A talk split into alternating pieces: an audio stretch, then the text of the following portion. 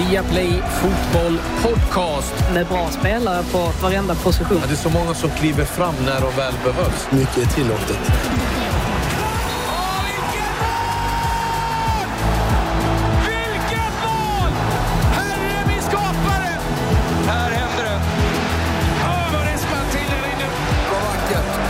Det är bästa dagen på året.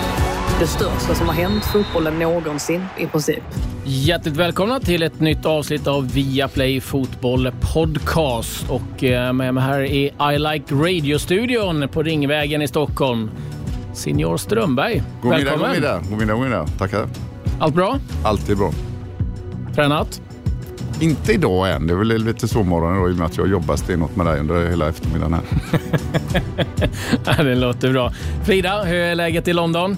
Jo tack, det är fint med mig och eh, med London också. Det går åt rätt håll här borta. Ehm, Så att eh, jag har som vanligt inga, väldigt få saker att klaga på nu för tiden.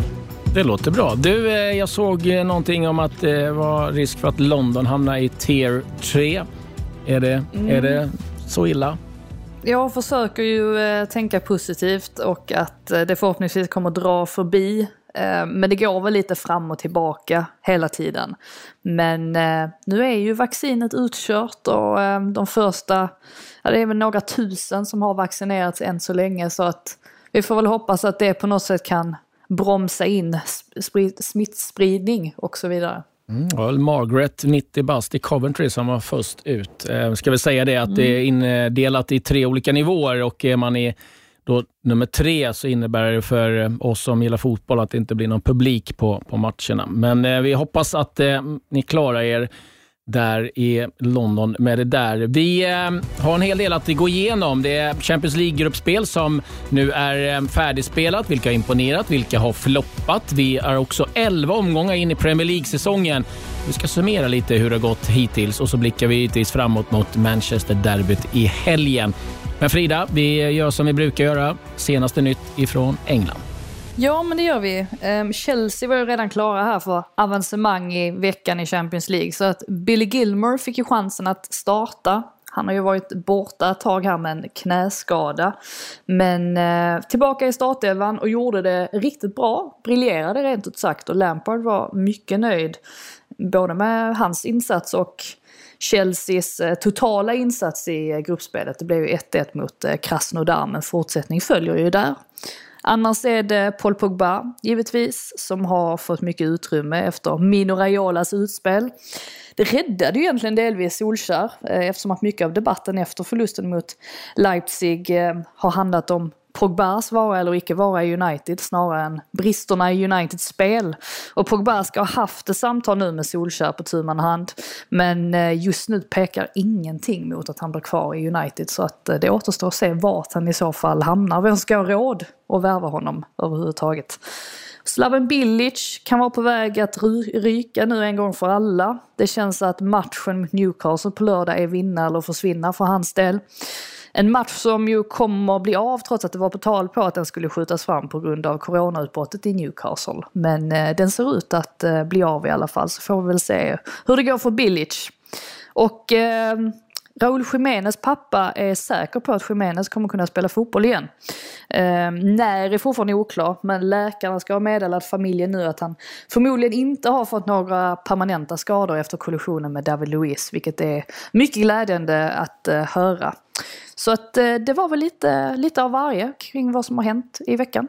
Mm, jag fyller väl på lite grann. Sheffield Uniteds ägare verkar vara på gång att köpa League 2-klubben Châteauroux i, i Frankrike. Har um, sen eh, tidigare också ehm, eh, Berchot i belgiska ligan. Vi ser att fler och fler klubbar går åt det där hållet. Vi vet att Manchester City har mängder av klubbar.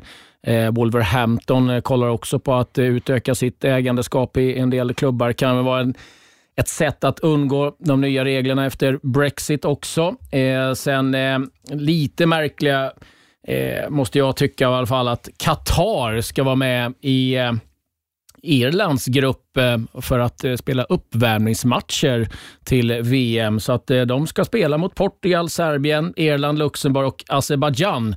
Men deras matcher kommer då inte att räknas precis vad som behövs eh, när det redan inte spelas eh, massa matcher. Att man får eh, ytterligare någon eh, träningsmatch att eh, lägga till. Sen avslutningsvis måste jag dra storyn om Ramon Diaz. Eh, en herre man får tycka lite synd om. Botafogo anställde honom för cirka en månad sedan. Och eh, jag ska säga att det var femte tränaren han var inne på den här säsongen, eh, Botafogo. Men han skulle göra en operation så att eh, han eh, gav sina assisterande uppdraget ett tag och eh, skulle sen komma tillbaka. Men då blev den här operationen lite uppskjuten och då tröttnade Botafogo och sparkade Ramon Diaz utan att han har gjort en enda match. Ersatte honom med Eduardo Barocca som i sin tur fick corona, så han kunde inte heller ta laget. Så att när Ramon Diaz hade gjort sin operation och var helt klar, ja, eh, då hade han ändå fått eh, sparken. Så Botafogo får leta ny tränare igen. Så det snurrar en del i, eh, i Brasilien. Där Glenn, det gäller att ha koll på. Ja, man blir ju inte direkt förvånad om man säger så. Nej, det är, händer en del i, i den brasilianska fotbollen. Tyvärr också dåliga nyheter som nådde oss i eh, förmiddags. Paolo Rossi, en eh, riktig legendar i Italien, eh, stor eh, hjälte VM 82, har lämnat oss 64 år gammal. Eh, Glenn, det där är ett tungt slag igen efter Maradona. Ja, det är det verkligen och framförallt då båda så unga och det känns lite tufft och, lite, och det känns eh, tragiskt helt enkelt. Eh, alla kommer väl ihåg, i alla fall de som växte upp, ungefär de som är i min ålder och kanske några som är lite, lite yngre och lite, lite äldre, att det här 82, när de vann det där VMet och han blev skyttekung med sex mål, det är någonting som, det är inte samma VM-titel 2006 för italienarna som det de vann 1982. Det är större, det är Ja, det är mycket, mycket bredare. Det satte sig mer i landet. Eh, nog för att det var ju Anne di Piombo där också, det bly åren om man säger så, där det är bly, det är det som kommer ut från pistoler och gevär och bomber liksom kallas det då. Det, det var rätt hårda år i Italien. Det var um, mycket, ja, det var bombningar, det var eh, kidnappningar. Eh, det var ett land som eh, led rätt mycket med en massa saker som hände runt omkring, mycket tragedier. Och på något vis så enades hela folket kring det här laget 82 som inte hade den där favoritstämpeln på sig när de åkte dit. liksom. Och Pablito då, som han blev med hela folket i eh, Italien efter VM, här, Paolo Rossi, kom ju tillbaka efter en avstängning också och eh, det var väl lite tveksamt om man skulle ta med honom dit eller inte. Det var lite snack om det hit och dit, men Biasot var ju helt, helt övertygad och Soff också då som hade stor makt, målvakten. Ja, ja, han måste ju med liksom. Och det började väl lite knackigt och sen bara det blommade ut. Det var en sån där Askungesaga egentligen, det där VMet för eh, Paolo Rossi. Och ehm, jag hade inte kommit dit än Jag var på väg till Benfica och åkte dit några månader efter det här VMet och eh, kom då två år efter till Italien. Men jag fick ändå höra och ändå se och han var ju fortfarande kvar i Juventus då första året när jag kom dit. Och äh, det, det, var eh, otroligt vad stor han var i Italien just för det där VMet också. Då liksom. Sen hade han väl inte sina bästa år kvar där då när jag kom dit. Han spelade, gick väl till ett lag som du känner till tror jag, klasse Milan där efter eh, ja, ett år tror jag bara mm, han var där. Och sen avslutade han väl eh, i Verona lite grann och det var inte alltid så han spelade alla matcher, lite skador också och så vidare. Och så vidare. Men ja, det tar inte ifrån någonting. Det är tragiskt, det är tråkigt och de som inte var i Italien de åren och de som kanske inte riktigt var födda eller var väldigt små. De ska bara veta att han var ah, det är en sån stor, stor fotbollslegend i Italien just för det där VMet och just på det där sättet det kom till på. Avstängd innan, skulle han med eller inte? Började knackigt, ska han verkligen vara på plan? Och så sen bara BOM! Smäller det till och så avgör han enda match i princip. Och så de där armarna som bara, det där gamla segertecknet man gjorde när man gjorde mål, liksom, eller målgesten. Händerna bara rätt upp. Det ser nästan så ut som det kommer från 30-talet, den där gesten. Liksom, va? Ja, det var det enda han kom på tydligen, för han var väl lika överraskad han att han skulle få ett sånt otroligt VM och Italien skulle få ett sånt otroligt VM. Så äh, det, är, det är trist och tragiskt. Eh, jag tror dock att närmaste kretsen kring eh, har nog känt det här ett tag. För jag, jag vet, det, det alltså var en ruskig, ruskig skön och ödmjuk kille vid sidan om. Han jobbade ungefär i samma arbetsområde som jag håller på med för Sky i Italien under många år och var ja, det högst ansedda där. Liksom. Framförallt då kanske för hans fotbollskarriär också. Och la av här, jag kan tänka mig att det var för en 15 år sedan eller något sånt där. För jag vet att han fick någonting, han fick ett virus som är väldigt, väldigt ovanligt. Jag tror det är mindre än procent av världsbefolkningen som kan få det där viruset. Och eh, väldigt svårt att hitta medel emot det tydligen och det var att egna kroppen var tvungen att hitta antikroppar mot det här. Eh, så jag tror han har slagits med det under en lång tid faktiskt. Så att eh, den närmsta kretsen kanske inte är så jätteförvånad, men det hände alltså för en 10-15 ja, 15 år sedan tror jag mer. När jag helt plötsligt undrade, var var han idag liksom, när jag var ute på arenan? Så är inte Paolo Rossi här idag? Nej, nej, han har tyvärr fått sluta, han behöver eh, ha lugn och ro och vila och så vidare. Och Sen har det varit locket på, man har inte hört någonting. Va? Och så kom det här ut sådär från ingenting idag. Men som sagt, jag, jag, jag tror att det är det här som bara förvärrats och förvärrats och förvärrats genom åren. Ja, oerhört trista nyheter. Man minns ju honom givetvis oerhört mycket från eh, framförallt kanske matchen mot eh, Brasilien. Där Tre han mål. Tre Mm. mål. Och det var många som, själv inkluderad, som inte var så här jätteglad då kanske. Men eh, Brasilien som hade charmat. Men någonstans efter det så blir man ju också förälskad i sättet han som gjorde Ja, målen. Den målgesten, och, bara rätt upp med Ja. händerna. Det var enkelt det här. Jag gjorde mål liksom ute på grusplan här och så upp med händerna och så var det klart. Liksom. Och det, var, och det, det, det är rätt roligt det du säger här ändå. Att det var väldigt många på den tiden som var lite irriterade på Rossi som inte var italienare för att han just slog ut Brasilien med sina tre mål. Men sen kom det ju tyskar i finalen och det kom lite andra lag och då, då höll de istället på Rossi och, och Italien. Så det var liksom bara den matchen då, för vi vet ju hur Brasilien är omtyckta runt om i världen och alla som då inte håller på, eller är från det landet som de möter, de håller ju ofta på Brasilien och vill att de ska gå långt. Så det är väldigt många som har sagt till mig de- här timmarna redan här, ja, Nej, jag gillar inte det han gjorde mot Brasilien, men sen höll vi på både Italien och honom hela vägen. Så det stämmer verkligen det du sa. Ja, oerhört trist. Bara 64 år Ja. eh, gammal eh, Paolo Rossi. En av eh, flera legendarer som tyvärr har lämnat oss den senaste tiden. Vi Ta nu och eh, titta lite hur eh, det har sett ut i Champions League. Igår blev det färdiglirat. Det är nu 16 lag som har tagit sig vidare och eh, vi kan väl dra dem lite snabbt. De som är sidare då, det är Bayern München, Real Madrid, Manchester City, Liverpool, Chelsea, Dortmund, Juventus, PSG. Sen har vi då på andra sidan, Atletico, Mönchengladbach, Porto, Atalanta, Sevilla, Lazio, Barcelona och Leipzig. Och eh, ja, Frida, vad eh, säger du om eh, de här gruppspelen? Vilka lag eh, har imponerat på dig så här långt? Vad ska man börja? Alltså det laget som man tänkte möjligtvis kunde få det lite svårt eftersom att de hade inlett säsongen lite knackigt var ju Chelsea. Men jag tycker verkligen de visade ganska snabbt att de är på väg mot någonting riktigt bra, har ju bara blivit bättre vecka för vecka. Och den här segern borta mot Sevilla var ju väldigt tung. Dels för att man spelar med stora, det var inte direkt A-laget man satte ut utan det var många, många ersättare. Eh, ändå lyckas man besegra ett lag som är så pass starka på hemmaplan så att de tycker jag har imponerat. Sen är det ju de här vanliga också. Eh, Bayern München kan man väl tänka sig kommer blanda i titeln även i år. Ehm, Real Madrid inledde knacket, har väl inte sett ut riktigt som sig själva.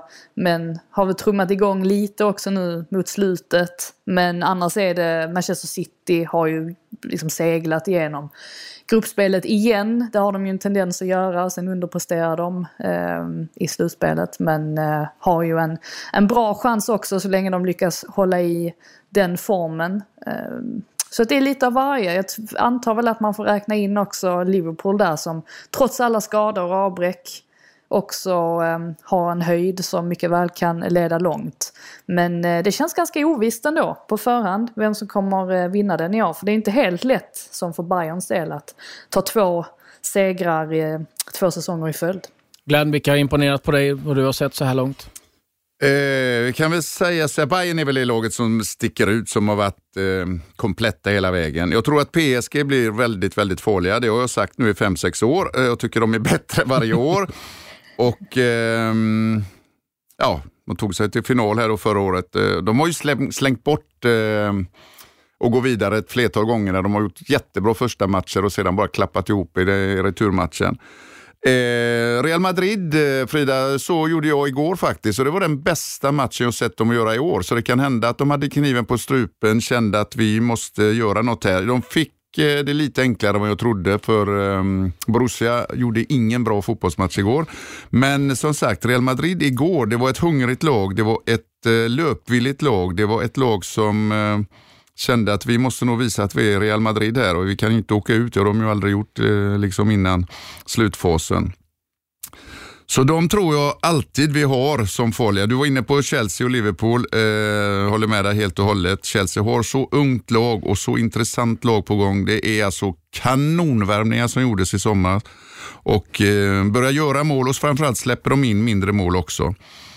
Det är väl egentligen inga överraskningar som går vidare här. Det är väl eh, egentligen att Inter inte skulle klara av att slå Shakhtar igår. Det, en, eh, det tycker jag är klart förvånande i och för sig. Och framförallt att de inte liksom hade så mycket mer målchanser än vad de egentligen hade. Att de inte liksom, man kan inte kalla det otur en gång. Va? Man har tio målchanser och det är stolpar och målvakten gör idioträddningar och så vidare. och så vidare. Okej, det kan, man kan få sådana matcher ibland. Men nej, det var inget eh, speciellt eh, vad ska jag säga, som lyste upp runt Inter igår i en sån viktig, viktig fotbollsmatch som de hade.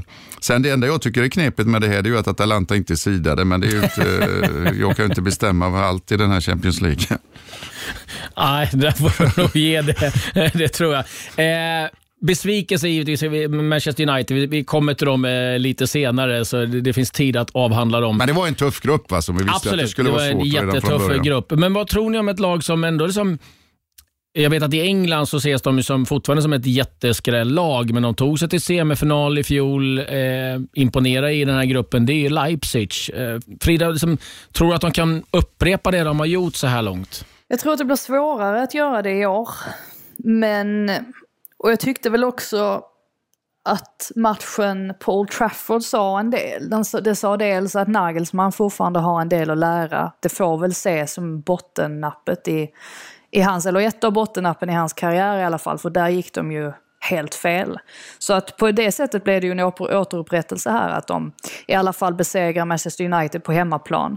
De har ju ändå en tendens där, som i andra halvlek mot United, att visst, de fick stor hjälp av domaren får man säga, ehm, med straff och så vidare emot sig.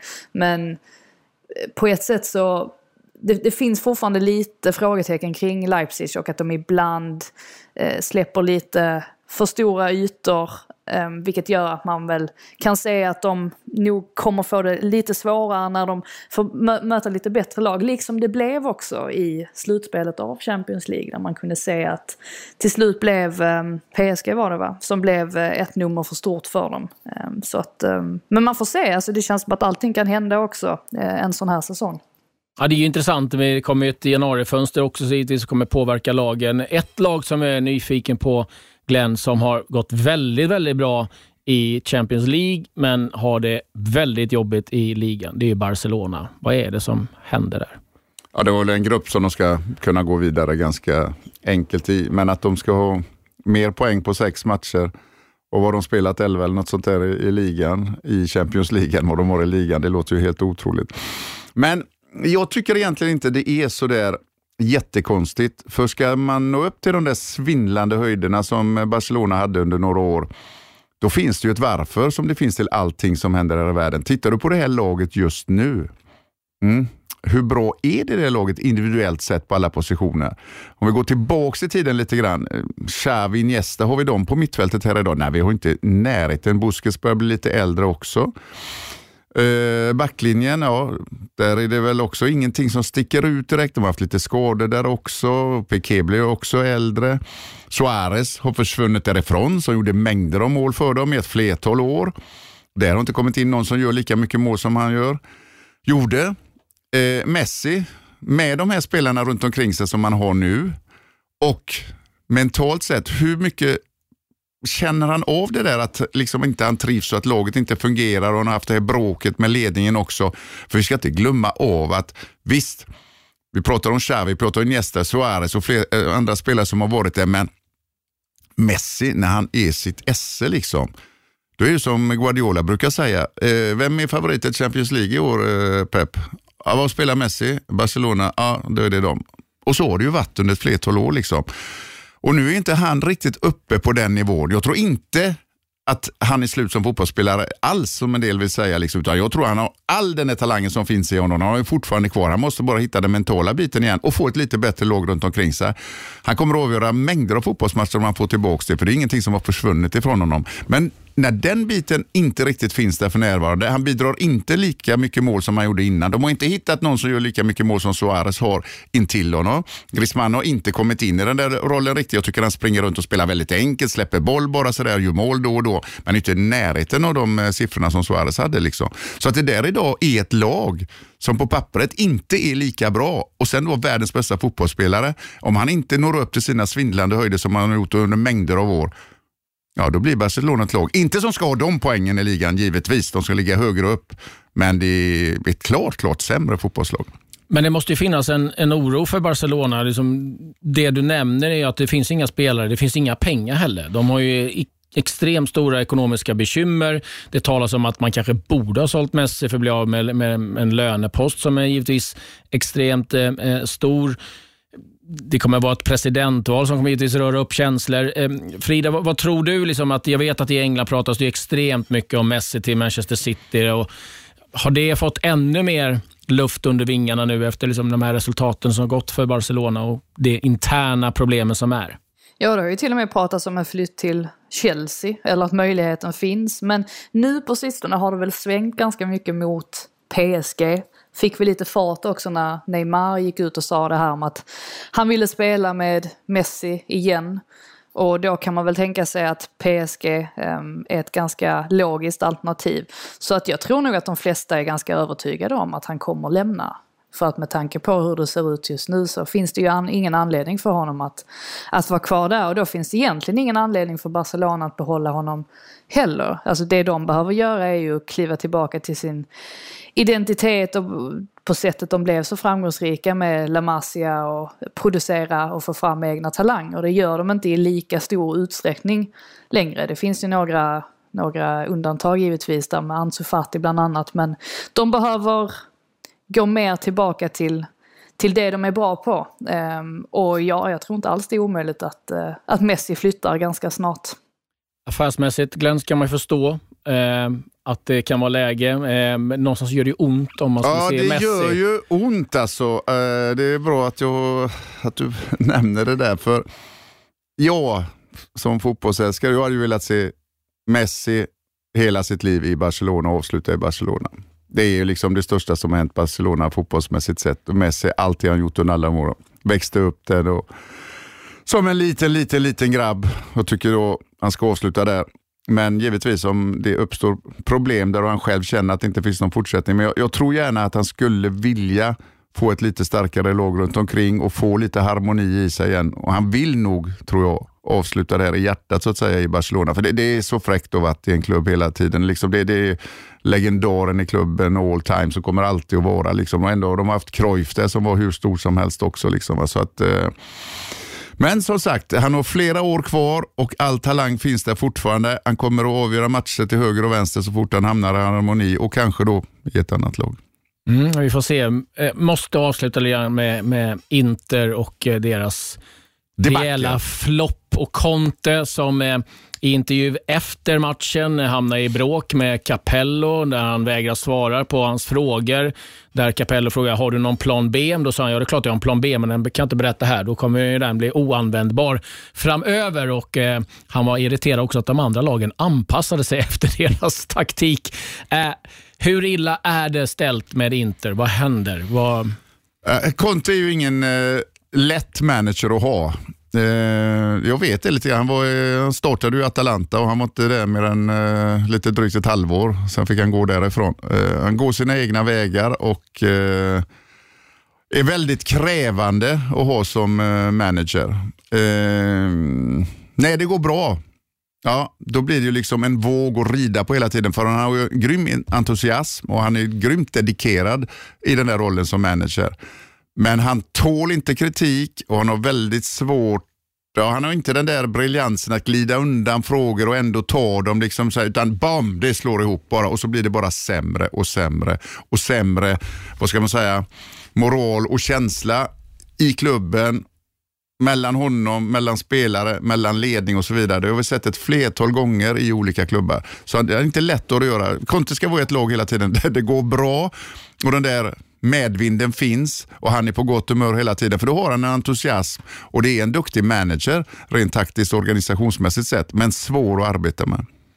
Och Inter är, vad du vet ju Patsa inte va? Det är ju inget lätt lag heller liksom att arbeta med.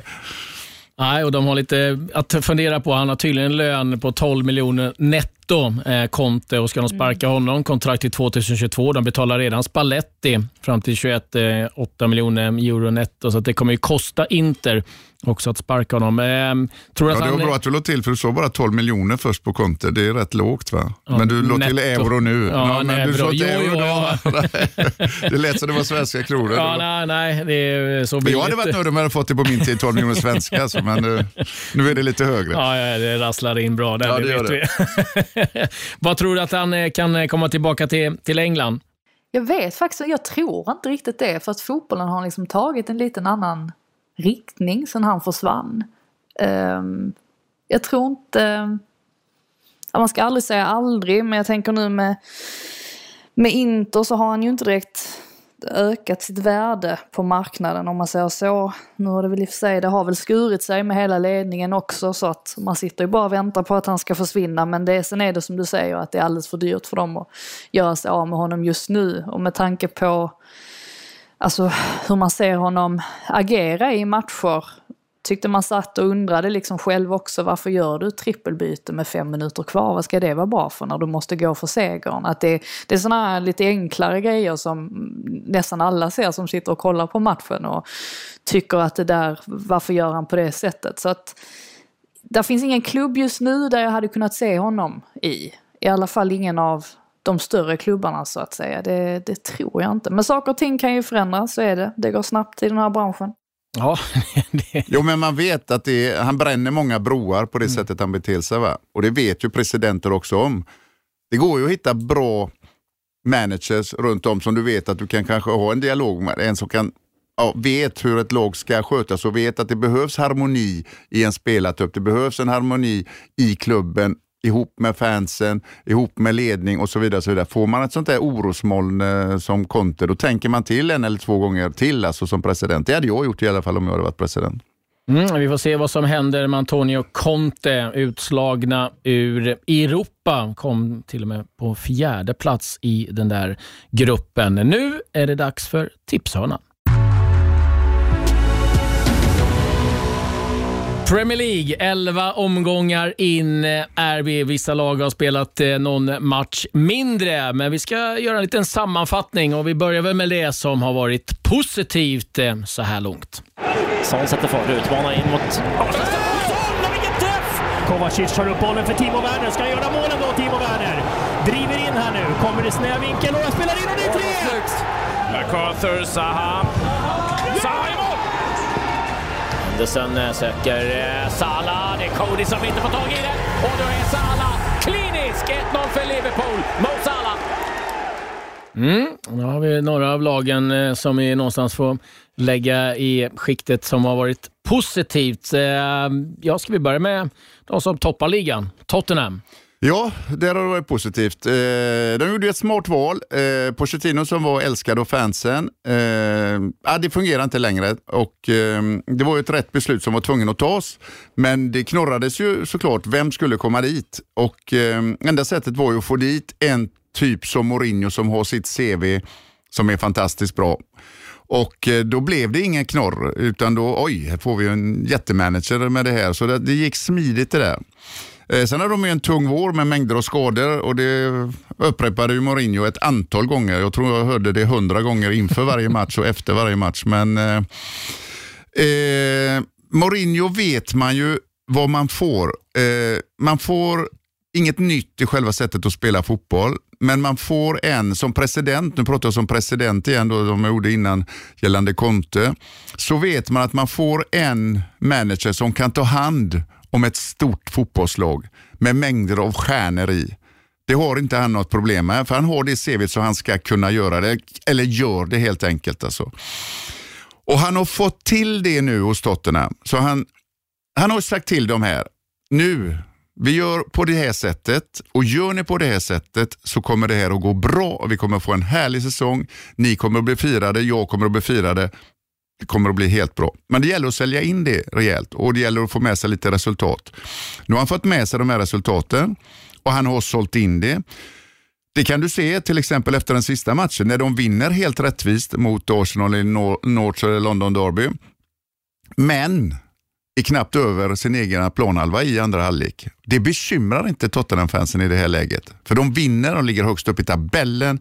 Det har vänt, det blåser positiva vindar. Du hörde när spelarna pratar efter matchen. Ja, här gör vi jättebra. Så, ja, och sen jobbar vi som lag. Och framförallt så hörde när de säger lite grann det jag sa under matchen, hur trygga de är att försvara på det här viset. Det brukar vara Burnley som är trygga att försvara så lågt och på det viset. Men de är alltså grymt bra på det också. Och de följer instruktionerna som Mourinho säger till fullt fullo. fullo. Det är till exempel som jag brukar säga när han var i Chelsea, när man läste i tidningarna, oj, Hazard spelar inte då, vad har hänt här då? Nej, han markerar inte riktigt bra vid bortre stolpen när motståndarna sätter en boll där.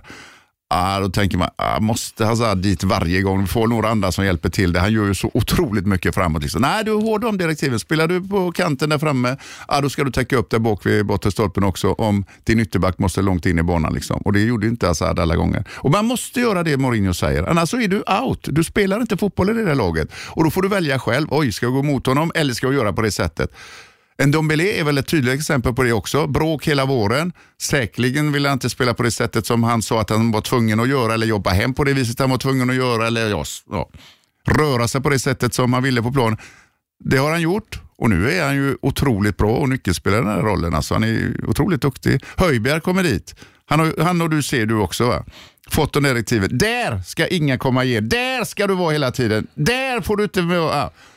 Och det har han varit varenda match. Han har köpt exakt det Mourinho sagt till om och han höjs ju också som spelare värdet själv. Så man ser det ju positiva för den enskilda spelaren också helt enkelt.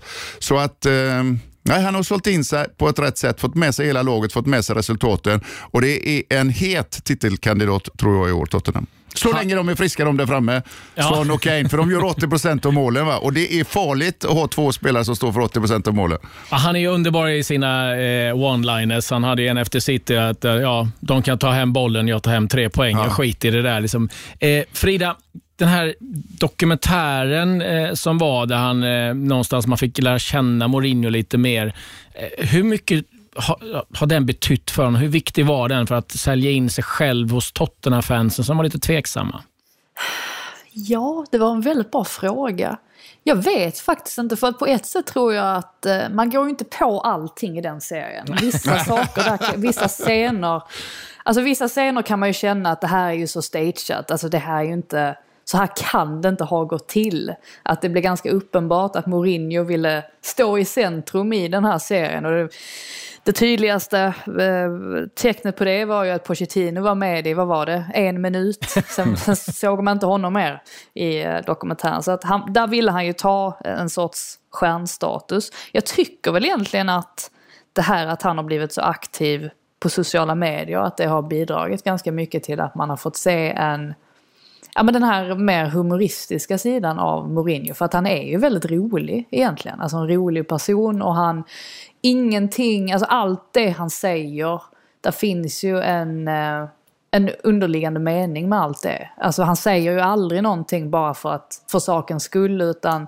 eh, det finns alltid, eh, ja det finns alltid en under, underliggande mening kring det. Och, och det har ju varit på, på både gott och ont. Men nu tycker jag att, alltså nu när det går bra för honom, nu när resultaten rullar in, när spelarna verkar nöjda med att spela i, i det här systemet så har han ju inga problem med att tagga ner lite också. Alltså nu kommer det inte lika frekventa utspel. Men sen vet man inte, skulle det vara så att man börjar få vissa resultat emot sig, ja då kanske spelarna har svårare att köpa den här spelidén och då kanske man kommer få se den här andra sidan av honom igen. Det är ju hela tiden ett, ett mind game eh, på det sättet. Men jag, jag är väldigt förtjust i José Mourinho 2.0, det måste jag säga. Och det verkar vara många andra som är det också. Mm, och du är inne på det Glenn här med Kane och Son. Kane är den som eh, på minst antal passningar ändå får fram mest målchanser och assist och Son är den som är mest klinisk i hela Premier League. Så det är klart att de två levererar, men det är flera andra lag som har spelare som betyder väldigt mycket för deras lag. Om vi tittar på Två andra lag eh, som vi måste nämna, det är, det är Liverpool och, och, och Chelsea. Ett, eh, Chelsea som börjat komma igång och har en otroligt fin trupp. Eh, det har de. Eh, jag säger, det är nog, eh, ja, det jag minns i mannaminne här, eh, de bästa värvningarna som en eh, storklubb har gjort ja, på väldigt, väldigt, väldigt länge. För det är potentiella superstars de har värvat. Till ganska bra priser ändå också, för vi vet ju hur höga priser det finns. Eh, Timo Werner till exempel som jag upptäckte första gången i för-VM när jag såg en live första gången när de kom med ett u landslag eh, Tyskland dit.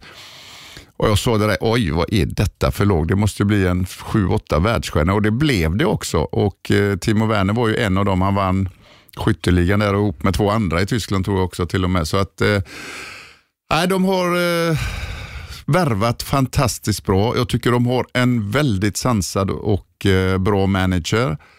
Eh, en som har också det där gedigna hjärtat i klubben och det där breda, breda fotfästet i klubben så att det kan inte komma en stjärna dit och spela över lite grann. För ingen är större än Lampard där ändå, vad han har gjort för den där klubben. Så det, det, går inte. liksom. Man måste komma dit och anpassa sig. Och Det är skönt för en manager att ha det i ryggraden, liksom att här är det lätt för mig att bestämma fullt ut och helt ut till 100 procent.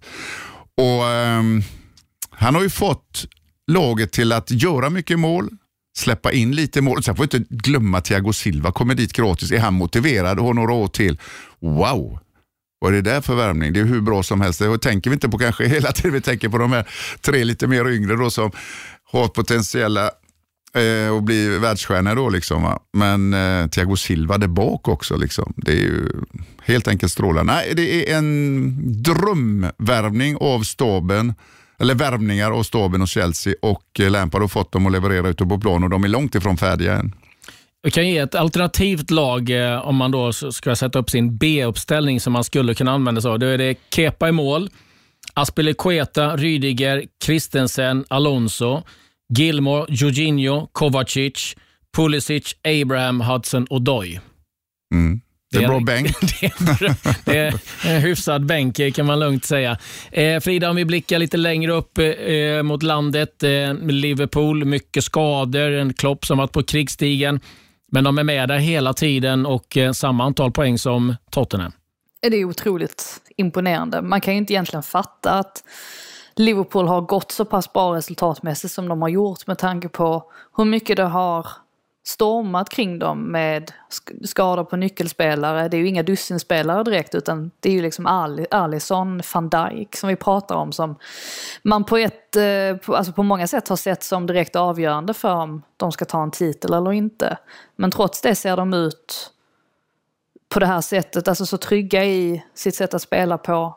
Eh, det spelar ingen roll om det är en 18-åring som kommer in eller en 21-åring som ställer sig i mål. Det är de ger alltid 100% och där måste man ju verkligen ge cred till Jürgen Klopp som säkerligen har sett till att etablera den här mentaliteten som de har, som ju är deras största asset.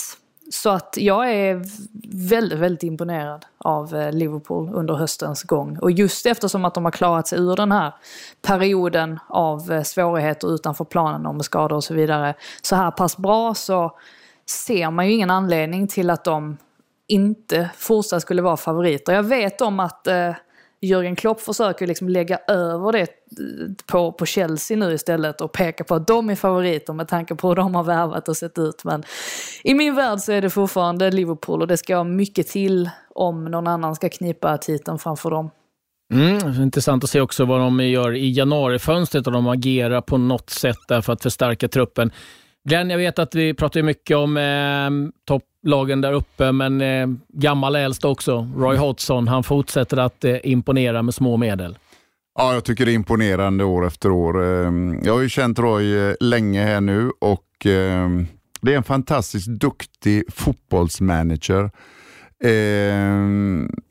Jag vet när han jobbade för Uefa några år när han inte tränade något lag eller var manager för något lag så var han enormt omtyckt av, eh, inte bara de som då valde att vara med på de här. Han låg ut 30 minuter om försvarsspel högt upp i banan, lågt ner i banan och så vidare. Ja, lärorikt var det verkligen och det var inte bara gemene man som kunde gå in och titta på den utan det var alltså kommentarer sen från managers som hade stora lag runt om i Europa och jag vet att han har ett högt anseende hos de här stora managerna idag. Alltså.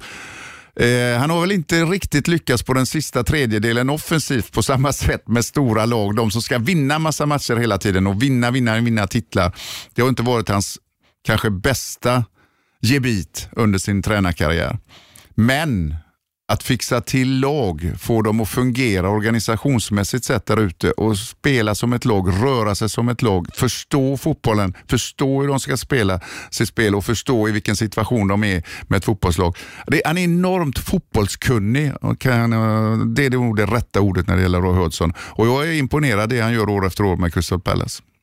Och Det som är intressant med Roy är också att liksom, jag har inte hört någon spelare prata illa Nej, det om går honom. inte. Det går inte. Alltså jag, hörde, jag vet att Jonas Och sen är det Tern... så lärorikt Lasse Mm. att höra på honom när han förklarar vad du ska göra där ute på planen. Alltså, han är enormt saklig och duktig och du förstår, va, ja så är det ju. Ja, ja, det borde jag ju tänka på.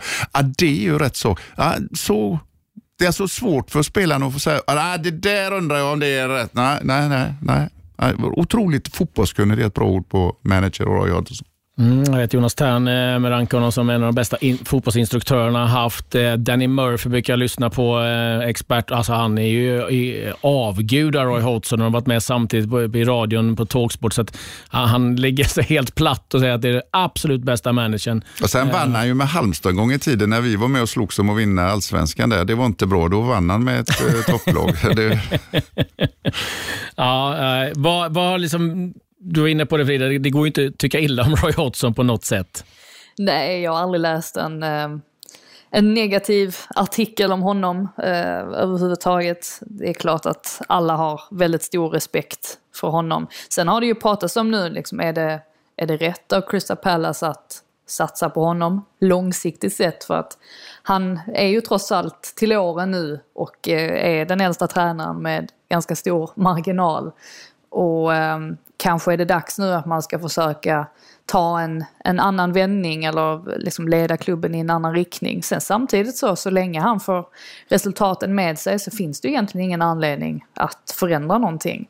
Men man förlitar sig också mycket på att Zaha spelar. Vi såg ju det nu när han hade testats positivt för covid-19 och missade några matcher att då, eh, då har inte Crystal Palace sådär jättemycket att komma med. Så att han är viktig och sen så har ju Esse också sett fantastiskt fin ut och avlastar Zaha lite också i det offensiva spelet. Mm, jag tror att det finns en viss rädsla i Palace att ändra riktning. Man gjorde ju det med Frank de Boer. Det gick ju det gick inte så långt. sådär kan man. Nej, men jag förstår ju det Frida säger naturligtvis. Är du president för en klubb så måste du ha det i åtanke. Du måste börja titta där lite runt omkring så du inte bara står där helt plötsligt ja, när man börjar bli i den åldern som Roy ändå är. Va? För det är ju för, ja, det är ju häpnadsväckande hur länge han har varit så duktig och varit närvarande inom fotbollsvärlden. Alltså. Det är långt, långt alltså. Ja, det är väldigt långt och eh, det finns väl en del managers som ser sig om nu att eh, de inte kommer vara så länge i jobbet som eh, Roy Hodgson har varit. Det är dags att titta på de negativa lagen i Premier League så här långt. Den på Kane. Och Kane drar ja! i mål! 2-0! Harry Kane! Och det är slut och Mourinho kan jubla. Persson är inte på en bra plats just nu. Arteta har inte visat nog just nu för att bevisa för mig i alla fall att han är rätt tränare. Och där har vi 2-0! Åh, Hoppsan, hoppsan, hoppsan, hoppsan, hoppsan, hoppsan! Det är goodbye Champions League-slutspel för Manchester United. Ja, de två lagen var ju inte jättesvåra att eh, pinpointa. Det är ju United och det är Arsenal som har varit de stora besvikelserna. Och, eh, Frida, ska vi börja med Manchester United? Uttåget ur eh, Champions League. Det, det sved i, i Manchester, i alla fall den röda delen. Ja, det svider ju framförallt eftersom att det såg så himla bra ut där efter segrarna mot PSG borta och sen Leipzig hemma. Och sen åker man på den där plumpen i Turkiet som blir direkt avgörande i slutändan. Så att det ser ju inte alls bra ut och ehm, var ju ingenting man kanske hade räknat med. Det är klart när man fick gruppen på förhand så såg man ju att oj, alltså PSG och Leipzig är ju två väldigt starka lag men här slarvade man ju bort det själv och det är väl det som svider extra mycket. Problemet är väl egentligen, alltså med hela den här Solskär-debatten, att de trots allt får med sig resultaten. Alltså ta exempelvis matchen mot West Ham, där första halvlek är alltså något av det värsta de har, alltså man har sett egentligen, alltså sett ur ett United-perspektiv. Och så går de ändå och vinner den matchen. Det blir ju väldigt svårt att kritisera honom fullt ut när de ändå får resultat med sig och när de ändå är med rätt högt upp i tabellen. Så att det återstår ju att se hur det här kommer att sluta men jag är väl en av de som fortfarande hävdar att Solskär inte är rätt lös lösning långsiktigt sett. Men det återstår att se hur eh, Uniteds ledning resonerar. Ja, du är inne på det. Vinner de en match mindre spelad, vinner de den så är ja, de det... samma antal poäng som Chelsea som vi råhyllar. Det är alltså så att det har varit så svajigt och det har varit så riktigt dåligt när det har varit dåligt hos Manchester United i år. Och de där överraskande resultaten som har kommit då, liksom man tycker nej det här kan de inte vända på, nej den här matchen klarar de nog inte, så har de gjort det. Och Då är det liksom ett överraskande bra resultat. Det är däremot de där resultaten som de inte har fått till som gör att det känns inte som det är ett lag som är stabilt där uppe. Men det går inte att klaga, Frida var inne på det, det är en jättesvår grupp ju, som de hade i Champions League. Så de skulle ju kunna vara, kanske inte ens vara med till sista matchen till och med i den där gruppen. Liksom. Nu var de med ändå och det behövdes en poäng. Okej, okay, så blir det ju ett jätte, vad ska man säga, debacle när de åker ut på det viset att de förlorar mot mot eh, turkarna borta. Liksom. Det, det, det, får man inte göra på den där nivån om du ska vidare. För de gjorde ju ändå, de slog ju PSG borta ändå. Och ligger då, alltså vinner de den här hängmatchen de har så är de två poäng efter i toppen och det måste de vara jättenöjda med United. Så jag tror det är mer sättet hur de har fått de här poängen och hur sättet att de har sett ut. Att du får ingen riktig stabilitet om hur de här ser ut egentligen. Hur är de? Och framförallt för att de har så svårt att spela när lag försvarar lågt. Alltså, då händer det inte speciellt mycket. Och så den sista saken. Solskär, när det är fem minuter kvar av matchen eller tre minuter kvar av matcherna och ni har så svårt att hitta luckor för då är alla där bak och försvarar oss motståndare. Skicka upp Maguire och lyft in den där bollen så han nickskarvar ner den till någon. Något händer då. Nu spelar ni bort de sista fem minuterna utan att komma till straffområdet. Innan du är helt klar där så ska jag ställa, måste jag ställa en fråga till dig Glenn. Eh, vi har pratat med de andra experterna. Liksom, men hur mycket tycker du ligger på Solskär och hur mycket ligger på, på spelarna. Solskär kan ju knappast eh, liksom, göra någonting att eh, Maguire helt plötsligt bara switchar av och eh, låter en boll passera. Till exempel. Nej, eh, jag tror att det är, man kan ta Solskjaer med en medelväg. Han ska inte få den där hårda kritiken att det är hans fel när, när han får den. Och han ska inte få det där att Solskjaer är lösningen som många säger när det går bra. Det tror jag inte heller det är.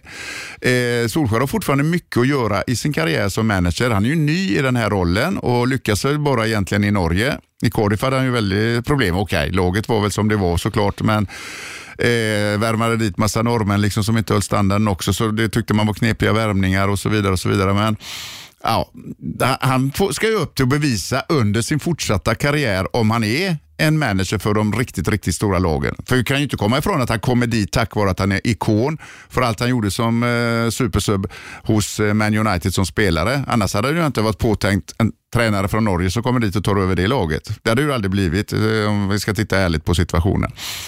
Men som sagt, han har möjlighet att göra det. Jag tycker bara att jag ser inte att det finns nu är det väldigt svårt att hitta sådana här tränare som Klopp och Pep när man kan gå ut och titta på ett lag. Vad heter det här laget? Ja, det heter eh, Tjotahojtan.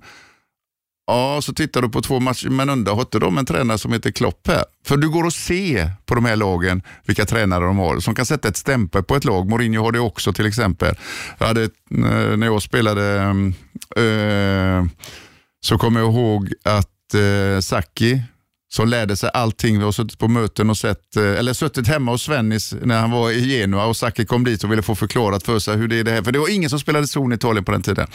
Och Då kunde man se Sakis lag spela fotboll. Parma när han började med Milan sen. Det gick att se liksom. Och dit har inte Solskjaer kommit än. Så att säga. Man kan inte se att han har sätter en prägel över laget hur de spelar. Utan de går ut och spelar sitt spel och det är ofta den individuella spelaren som får se till att luckra upp matchen och lösa matchen. Eller att motståndarlaget ger dem omställningar, då löser det för sig själv för de har spelare som kan göra det och det är de bra på. Men han har inte hittat någon offensiv spelidé eller en defensiv spelidé som är så mycket annorlunda än vilken manager som helst. Du har varit president två gånger tidigare under sändningen. Du får vara det en gång till. Jag är president nu igen. Ja, ska du behålla Solskär eller ska du ta in Pochettino eller Allegri? Ja, jag byter inte under året. För du ser ju ändå, de slogs till eh, slutet här i Champions League och det är en plump i protokollet där mot Turkan som gör att de åker ur det här. De är fortfarande med, vinner de hängmatchen så är de två poäng efter toppen. Det går inte att kicka en tränare då. Det är bara det att det har sett för svajigt ut. Det är det som gör att det är oro i eh, Manchester-trakterna. För de ser ju inte att laget är där de var under Ferguson. Men hur i helsike ska man nå dit? Det är inte lätt. Det är inte, hittar du den managern igen så fiska upp honom och så betala mer än de där 12 miljonerna som konto. President Frida vet jag har tagit på sig skruvdobben och skickat iväg henne långt, långt till Molde för länge sedan. ja, eh, precis. Och Pog Pogba också faktiskt. Ja. hade jag också gjort mig av med snabbt. Har du kört en vänster-höger blixtsnabbt där. Där är det bara Frida, hur mycket pengar får du? Jag hade också gjort mig av med redan förra året, men eh... Jag tror att eh, de har svårt att hitta den där, du var inne på det lite innan. De vill ju ändå få betalt. Han har ju fortfarande ett namn och han vann ju alltså VM med Frankrike och han har ett namn. Så det går nog säkert att hitta en klubb, men det är ju inte lika lätt idag. Och de vill ju ha Nej. lite pengar tillbaka på det. De kan ju inte rea bort honom ändå. Men han tillför ju ingenting för tillfället i Man United. Och de, alltså de hamnar ju alltid i de här situationerna också tycker man med spelare som, de, som har väldigt bra betalt. Alltså, jag tänker inte minst på Alexis Sanchez och så tar det flera år innan man lyckas hitta en lösning. Så att jag, ähm... Och vad gick han Frida sen då? Till Patsa Inter. inte såklart. Till Patsa inte såklart. Det är två sådana klubbar alltså. Precis, min tanke är ju att ska man inte köra ett rakt byte med Christian Eriksen? Det hade ju varit perfekt. Mm. Ja. Inter får eh, Paul Pogba och Manchester United får Christian Eriksen. Jag, hade, jag tror nog att eh, United ser att eh, Pogba är värd lite mer än vad, Christian Eriksen är just nu. Ja, tyvärr har han inte han lyckats i eh, Italien. Han hade ju lite mindre speltid såklart. Och eh, det var lite, Käbbel ville ju gå tidigare då eh, och fick ju inte gå och fick lite speltid och tappade väl lite, ja kanske motivation. Tappat geisten. Och, ja, geisten. Alltså hela, men då tyckte man ändå att du kom ju iväg till Inter ändå. Det är ju ändå ett lag som spelar Champions League. Och vi ska veta fortfarande att eh, vi i Sverige tittar mycket på eh, Premier League såklart och det är den största ligan ute i världen kanske. Men Serie A för italienarna, alltså, och Inter och Milan till exempel i Milano. Det är, så, ja, det, det är stort alltså. Det, jag vet inte eh, hur mycket hetta det är eller, ja, kring de engelska supportrarna kring sina lag så som de lever de här ja, matcherna som eh, görs på San Siro. Liksom, va? Så att jag trodde då han skulle få tillbaka den här geisten, liksom, få tillbaka den här motivationen igen. För det var ju Ja, det var ju förstklassig spelare när han var som bäst. Alltså. Han kunde ju avgöra matcher med sina avslutningar, han kunde avgöra matcher med sina passningar och han jobbade under matcherna också. Och så vidare, så vidare. Och han har varit en skugga av det i Inter. Mm. På tal om eh, Interfansen, jag såg några att han inte bara tappat geisten, han har också tappat håret. Man tyckte han kan väl fråga Conte mm. var han fixade sitt hår någonstans och fick ut någonting av sin tid i, i Inter. Stackarn. Du, eh, Arsenal, vi måste eh, toucha dem också. Det var intressant att Fredrik Ljungberg satt med i Sky Studio, Monday Night Football, och eh, han var väldigt tydlig med att han inte förstår varför de inte hade med Mesut Özil i, i Premier League-truppen. Har det väckt en del debatt igen eh, angående Mesut Özil? Alltså, delvis. Alltså den debatten pågår ju hela tiden. Men problemet är ju att nu börjar folk bli lite så här att man kan inte bara berätta vad det är som är problemet för att de flesta förstår att det inte är sportsliga problem utan det har med andra saker att göra. Jag tror att det helt enkelt är så att de tycker inte att Mesut Özil har Alltså de försöker ju förändra, vi har ju sett det nu de senaste veckorna också i Arsenal, att det finns en bristande mentalitet hos spelarna. Alltså det, det är någonting liksom som inte är helt hundra inte klickar helt rätt. Jag tror att det är så pass enkelt att Özil inte heller visar rätt attityd. Liksom Guendouzi inte heller gjorde och som försvann ganska snabbt efter att han hade haft en fallout med Arteta. Så att de flesta här borta vill bara i princip veta vad det är som är, alltså vad problemet är. För det finns ju ingen, ingen tvekan om att när det ser ut som det gör, om man har en spelare som man vet besitter sådana kvaliteter som Mesut Özil, då, ja, då är det ju konstigt att inte använda honom. Förutsatt då att det inte finns någonting annat alltså bakom som vi inte känner till utifrån. Om vi tittar på spelet Glenn, Arsenal. Det är eh, ett Arsenal som det går väldigt långsamt i uppbyggnadsspelet. Han har varit väldigt mycket inlägg eh, som han har pratat om att han vill ha, men det hände inte särskilt mycket. Ja, inlägg är inte det. fel. Det är bara att de har ingen närvaro inne i boxen och då blir det fel med inlägg. Du måste få in fler folk. Va? Ja, så säsongen 17-18 så har Aubameyang och Lacazette tillsammans gjort sju nickmål. Nu behöver inte inlägg bara vara på höjden, men det, är, Exakt. eh, det, det hände ju inget. De hade väl en 33 inlägg senast, tre gick fram. Mm, Men vad var det för inlägg? Det var höga för sådana här lusser. Det var för Crouch. Han skulle ha varit med där. Då hade han satt någon. Va? För det var sådana där som man fick gå upp och hämta upp i får himlen. Va? igen. Men alltså spelmässigt, för det, det, går ju inte att säga någonting. Det går väldigt långsamt. Det gör det. Vi har eh, två saker här. Eh, man försöker ju hitta, tycker jag, då, en ny Wenger, en ny storhetstid och det var Arteta. Och visst, spelat i klubben, gjort det jättebra, fått eh, Eh, inskolning uppe hos Guardiola och lärt sig väldigt, väldigt mycket om fotboll. Men det är lite grann som Solskär. Han är ju i starten av sin managerkarriär. Man vet ju inte vilken väg det här kommer att ta. Så det är ju inget som man då verkar ha satt i Arsenal-kretsar och så vidare. Nu har vi den där stora, stora managern under mängder av år framåt. Det kan vi inte riktigt avgöra riktigt än, tycker jag. Och sen, det stora problemet tycker jag, det är att det är svårt att hitta spelare till Arsenal i dagsläget. Det är tråkigt att säga för ett sånt anrikt lag, alltså, men Arsenal idag, om du tittar så här, du frågar Klopp, du frågar Mourinho, du frågar Lampard, du frågar Solskär, Guardiola. Du, en startspelare hos er. Byt bort den mot någon i Arsenal. Jag har svårt att hitta att de gör det. Aubameyang, om han gör sina 20 mål, om han är inne i, det, i den fasen så han gör sina mål, för han måste göra sina mål och han måste nästan alltid göra dem i boxen. Men han, Ja, gör han inte det så bidrar inte han så jättemycket i anfallsspelet. Det är ingen form man använder så jättemycket i öppna spelet. Du använder den i en omställning, du använder den i en lång rak boll bakom motståndarens backlinje. Annars får du inte ut så det jättemycket ovan. Sen får du ut jättemycket ovan för det är en grym målskytt, men då måste han göra de här målen också. Resten av spelarna som är startspelare för Arsenal, jag tror inte någon av de andra hade bytt någon spelare mot sina egna som är i startelvan. Möjligen Partey. Möjligen Partey, men han har varit det så kort tid ändå. Vi vet inte vilken väg det där tar. Alltså. Jag tycker det var en grymt bra värvning, för det är få gånger man hittar, som jag brukar säga under en fotbollsmatch, en sån trygg balansspelare. Normalt sett är den balansspelaren kanske lite hårdför. Han som täcker ytor, han går dit rejält i närkampen, stänger ytor, stentuff, men lite otrygg när han väl får bollen. Men det är inte Partey. Han är jätteduktig även med boll. Så att, eh, det är en jättebra ungefär, Men jag, man måste visa mer och göra det under längre tid för att, han, för att de ska byta in honom tror jag. Jag tycker den här truppen i Arsenal helt enkelt, jag tror inte den är lika attraktiv för spelare ute i Europa och gå dit för tillfället. Och jag tycker inte truppen eller det laget de sätter på banan är sådär jättebra. Visst, de ska ha mer poäng än vad de har i tabellen. Det Det är är, helt 15:e säkert klart. plats. Men de är aldrig med och slåss om en titel. Alltså. Det har jag sagt klart och tydligt flera år i sträck. Och detta året var det jättetydligt tycker jag.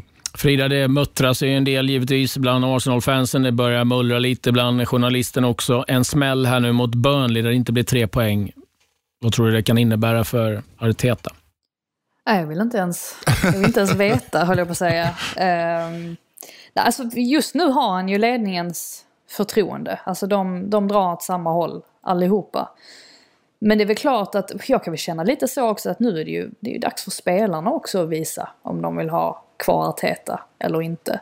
Lite får ju också läggas på dem. Alltså nu vet jag om att det kan låta banalt eftersom att jag har försvarat Arteta väldigt länge och, och sådär. Men alltså spelarna har ju också trots allt ett, ett litet ansvar. Det kommer att ta lång tid tror jag att få rätt på, på Arsenal. Alltså, Wenger var en fantastisk eh, tränare, han ska behandlas som den klubblegendar han är. Men han var där alldeles för länge och det var rätt många grejer under hans sista år där liksom det, det långsamt började Eh, se sämre och sämre ut. Då inte minst på grund av vissa värvningar men även också sådana här småsaker har jag fått höra som eh, när man började startade träningarna. Alltså att skulle man starta 10.30 så kunde det vara ibland att de inte startade från 10.37 för att någon spelare kom in lite sent. Och Wenger tyckte inte att sånt var något problem medan det fanns många spelare i Arsenal just då som ansåg att alltså, sånt där bygger ju ett vinnarlag. Alltså, man, man måste ha principer och fasta tider tider när man gör grejer. Det, var, det är många som pekar på att det fanns inte där då.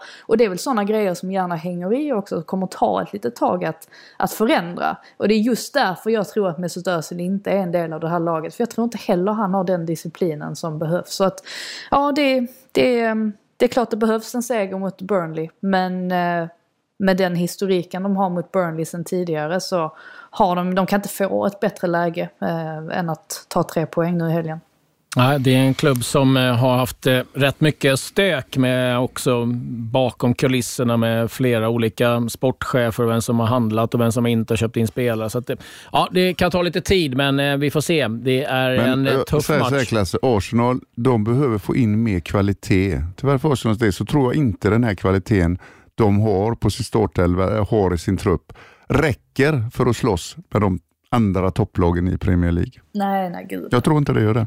Nej, men de ska väl vara före Aston Villa, Newcastle Palace. Eh, Där höll jag ju med dig för en minut sedan och det gör jag fortfarande. Mm. Mm, vi får se vad som händer. Eh, vi får eh, snabbt eh, eh gå igenom lite derbyt här.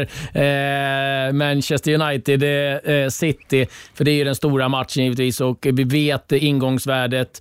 Solskär har haft en förmåga att få sitt lag att lyfta i just derbyt mot, eh, mot City. Ah, det var ju för, jag vet inte om det var ett eller två år sedan, eh, det tiden ramlade ju bara iväg. När de vände den där matchen på Islands, när de låg under, var det 2-0 i halvlek eller något sådär, och varit helt utspelade och vinner med 3-2 tror jag. Ja, de har gjort sådana där vändningar. Det har, det har varit sagolika matcher här också eh, som man fått uppleva där nere. Eh, var det när eh, vad var det? Always Me. Det var väl Balotelli, som gjorde mål där på Old Trafford. Han hade ja, första vann 6-1 eller något sånt där. Ja, ja. ja, det händer mycket kring det där derbyt och eh, jag tycker det är extra intressant nu i år då, i och med att eh, det blir ju den där klara matchbilden här nu. Va? De får ju den där de vill ha, Manchester United. De kommer att få kontra för Guardiola ja, han är ju aldrig försiktig. Man spelar ju alltid sitt spel, liksom, va? det var han än kommer. Va? Han spelade inte på kanterna i Tyskland, då fick han gå därifrån. Han fick eh, Jones att börja spela egna straffområdet första året redan när han kom till Manchester City och det tappade de en himla massa poäng på. Nu har han anpassat sig lite grann, men inte så att han går ut och säger att eh, vi låter dem spela lite högre upp i banan för de vill kontra, liksom, de vill ställa om. Nej, nej, han kommer att blåsa på med sitt vanliga spel och det kommer att passa Man United och vi vet ju det där derbyt är hett som satan så det kan hända otroligt mycket saker hur det än ser ut innan ett derby. Så att eh, ja, det är en högintressant match. Kvaliteten ligger ju mer hos, eh, hos eh, Man City såklart. Men eh, jag har sett sådana vändningar i de där derbyna och sett sådana otroliga resultat och sådana otroliga mål och sådana otroliga snackisar efter matcherna också. Så att eh, jag säger bara det kan hända precis vad som helst. Det är ju, ja, då skyddar man sig rätt bra. De har inte sagt för mycket något håll. Ett kryss två. Eh, United 19 poäng. City 18 poäng. Samma antal matcher spelade, så det är en viktig match på så många sätt. Inte bara liksom symboliskt för, för båda lagen, Frida.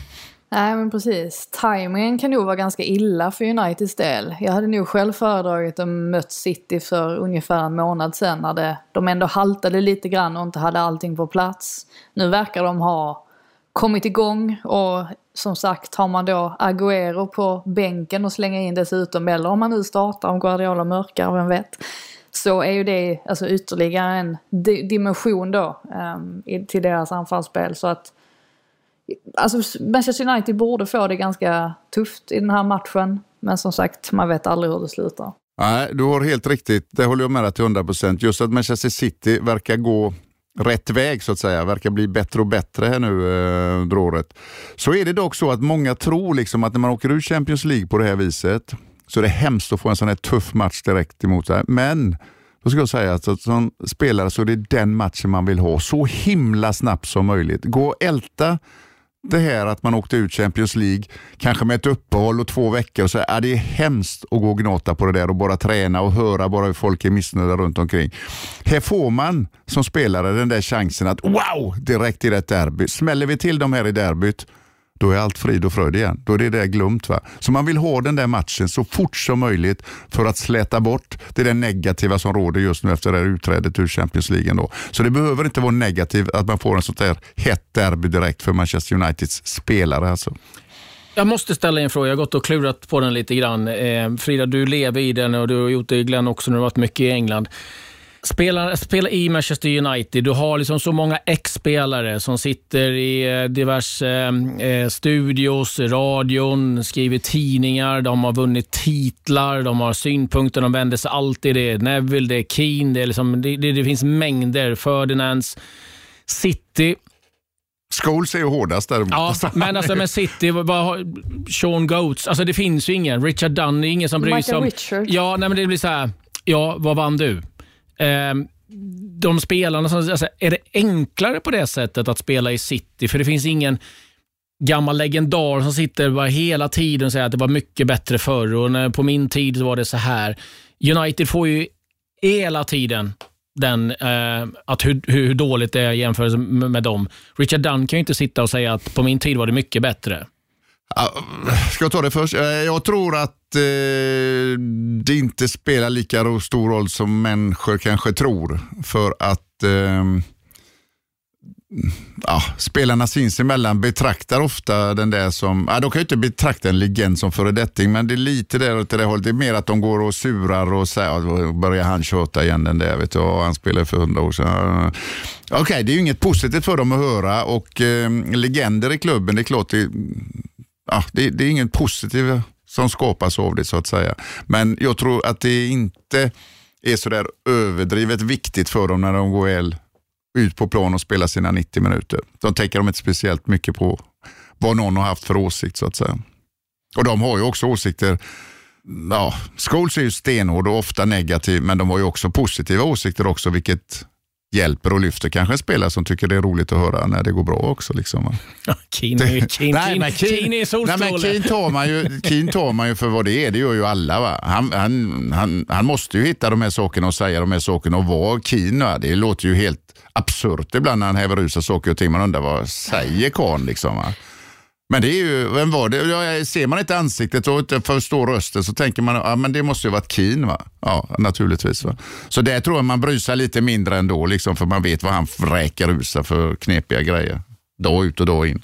Det finns ju två saker på, på Keen. Det ena är ju att eh, Manchester City eh, lämnade ju in en, ett klagomål eh, angående vad han satt och sa om eh, Kyle Walker var det va? Ja. I, eh, efter matchen mot Liverpool. När, eh, ja men det var, nu kommer jag inte ens ihåg Car vad det var han crash. sa, men det var ju verkligen, ja det var car crash och det var ju verkligen, alltså det var Han är verkligen. en idiot sa han också, lite- tror jag. Ja, idiot. Ja. Han, han gick över gränsen kan man säga. Så att det här med att Manchester City-spelare inte kör sig sina kängor, det, det Ja, men han gick inte- över, plan, ö, gick över gränsen även på plan, Frida. Gå och ha det hämndmentalitet och sätta norrman, nu kommer inte ihåg vad han hette. Haaland? Ja, Haaland. Och på det viset liksom förstöra en hel karriär så brutalt och hänsynslöst. Va? Då fattar man ju att är det lugnare att ha han i en studio istället. Då kommer det bara lite eh, knepiga saker om mun då och då. Liksom, va? På plan var det farligare att ha honom.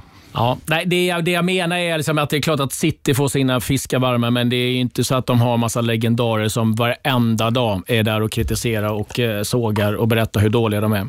Kim fick ju lite upprättelse här dock. För att eh, om ni kommer ihåg för några månader sedan så gick han ju ut och sa att eh, liksom, United-spelarnas inställning och attityden var liksom helt åt helsike. Och det var ju typ exakt vad Harry Maguire sa efter Leipzig-matchen.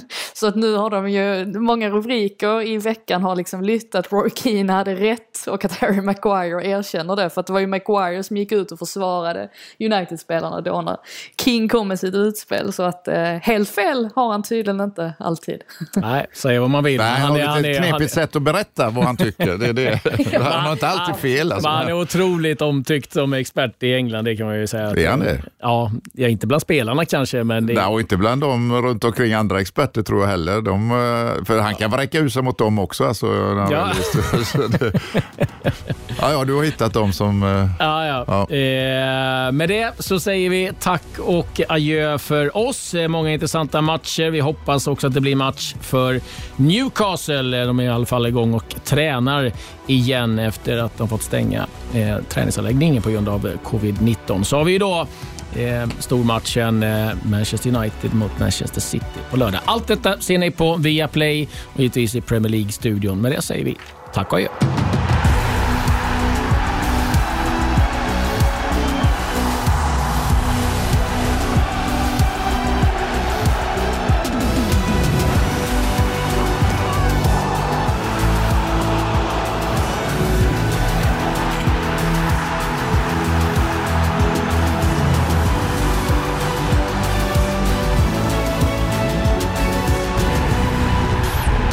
Of I Like Radio. I Like Radio.